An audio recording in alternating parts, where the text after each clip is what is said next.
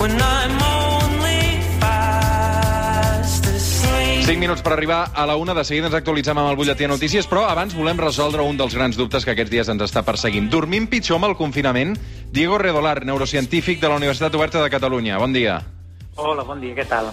Per què tothom o molta gent té la sensació que aquests dies ens costa més dormir? A veure, aquests dies ja portem diverses setmanes amb una situació de confinament i aquesta situació, eh, un percentatge important de la població ho està percebent mm, des de lo que és la manca de control de, de, de lo que és la situació i això està generant ansietat, sobretot per la, per la incertesa de quan acabarà, de com serà després, eh, el que està passant fora. Això està generant una incertesa que ens genera angoixa, ansietat, i aquesta ansietat ens afecta o, o la podem portar a, a la son. I a més a més també, jo crec que és inclús més important que, que tot això, és que aquesta situació de confinament està d'alguna manera diluint les nostres rutines i el diluir aquestes rutines eh, el nostre cervell no està tenint la informació suficient per poder regular el, el nostre ritme i això ens afecta molt a, a la qualitat de la son. Clar. Uh, i, i, I és per aquest motiu que molta gent té aquesta sensació, no? Però entenc que no té per què tothom afectar igual, això. No, no, no, no. Hi ha gent que inclús està dormint més i això és normal. Hi ha gent que diu, ostres, doncs jo ara la, en aquesta situació de confinament estic dormint 10 hores i normalment estava dormint eh, 7, 8 hores. Hi ha gent que, que, que no, que, que, està, que està dormint pitjor. Què passa? Pues que hi ha moltes diferències individuals, però el que sí que, malgrat estem dormint bé o estem dormint malament, el que sí que estem veient és que els patrons i el nostre ritme s'està alterant. Igualment, una persona pot estar dormint 10 hores o, o 8 hores o 9 hores, que és més de lo que dor habitualment, i diu, ostres, pues el meu son pues, no s'està veient afectat perquè el nombre total d'hores és les, les correctes o inclús més de lo normal, però sí que és veritat que es va dormir més tard, s'aixeca més tard, hi ha canvis, i tot això és, us pot explicar per aquest, aquesta manca de, de senyals que tenim de l'entorn per poder regular el nostre ritme biològic. I malgrat la son o, o el que són les hores total no es vegin afectades, sí que és veritat que altres aspectes de, del nostre cicle sí que es poden veure afectats. Uh -huh. uh, clar, estic pensant, um, mantenir una rutina suposo que ajuda, no?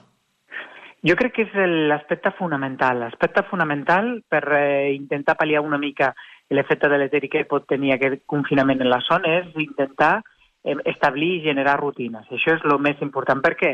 Perquè eh, el nostre cervell, per, nosaltres tenim un rellotge biològic que està determinat genèticament, mm. i aquest rellotge biològic té com una tendència a avançar-se en, en el temps. I el que fa el cervell és agafar les senyals de l'entorn, entre elles la llum i altres senyals com són les rutines i, i, el, i els nostres hàbits, per poder posar en hora aquest rellotge que tenim intern.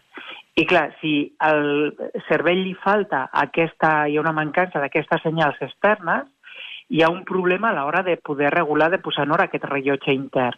I clar, si nosaltres intentem establir una rutina, si intentem, pues, ens aixequem del llit, ens posem el despertador, no deixem al límit un que ens despertem, sinó posem el despertador, ens vestim, eh, malgrat sabem que no sortirem al carrer, dinem a una hora determinada, fem esport, fem una sèrie d'activitats i això ho mantenim de, eh, dintre d'una rutina i amb, i amb un horari establert, no un horari lliure, sinó un horari establert, tot això d'alguna manera l'està ajudant al nostre cervell a tenir aquesta informació per poder eh, posar en hora el rellotge que tenim intern, aquest rellotge biològic. Mm -hmm. Molt bé. Les migdiades les recomanes aquests dies? A veure, podem fer migdiades, perquè la migdiada, de fet, una migdiadeta curta és, és beneficiosa. El que passa que sempre hem de tenir present que han de ser curtes. És a dir, això vol dir, mm -hmm. com a molt, com a molt 15-20 minuts. Més de 15 a 20 minuts ja és contraproduent. Però sí que és veritat que després de dinar, el fer aquest, aquesta migdiada, pues, hi ha inclús estudis que demostren els efectes beneficiosos de la migdiada, però sempre que sigui una migdiada curta. Un quart d'hora seria l'ideal.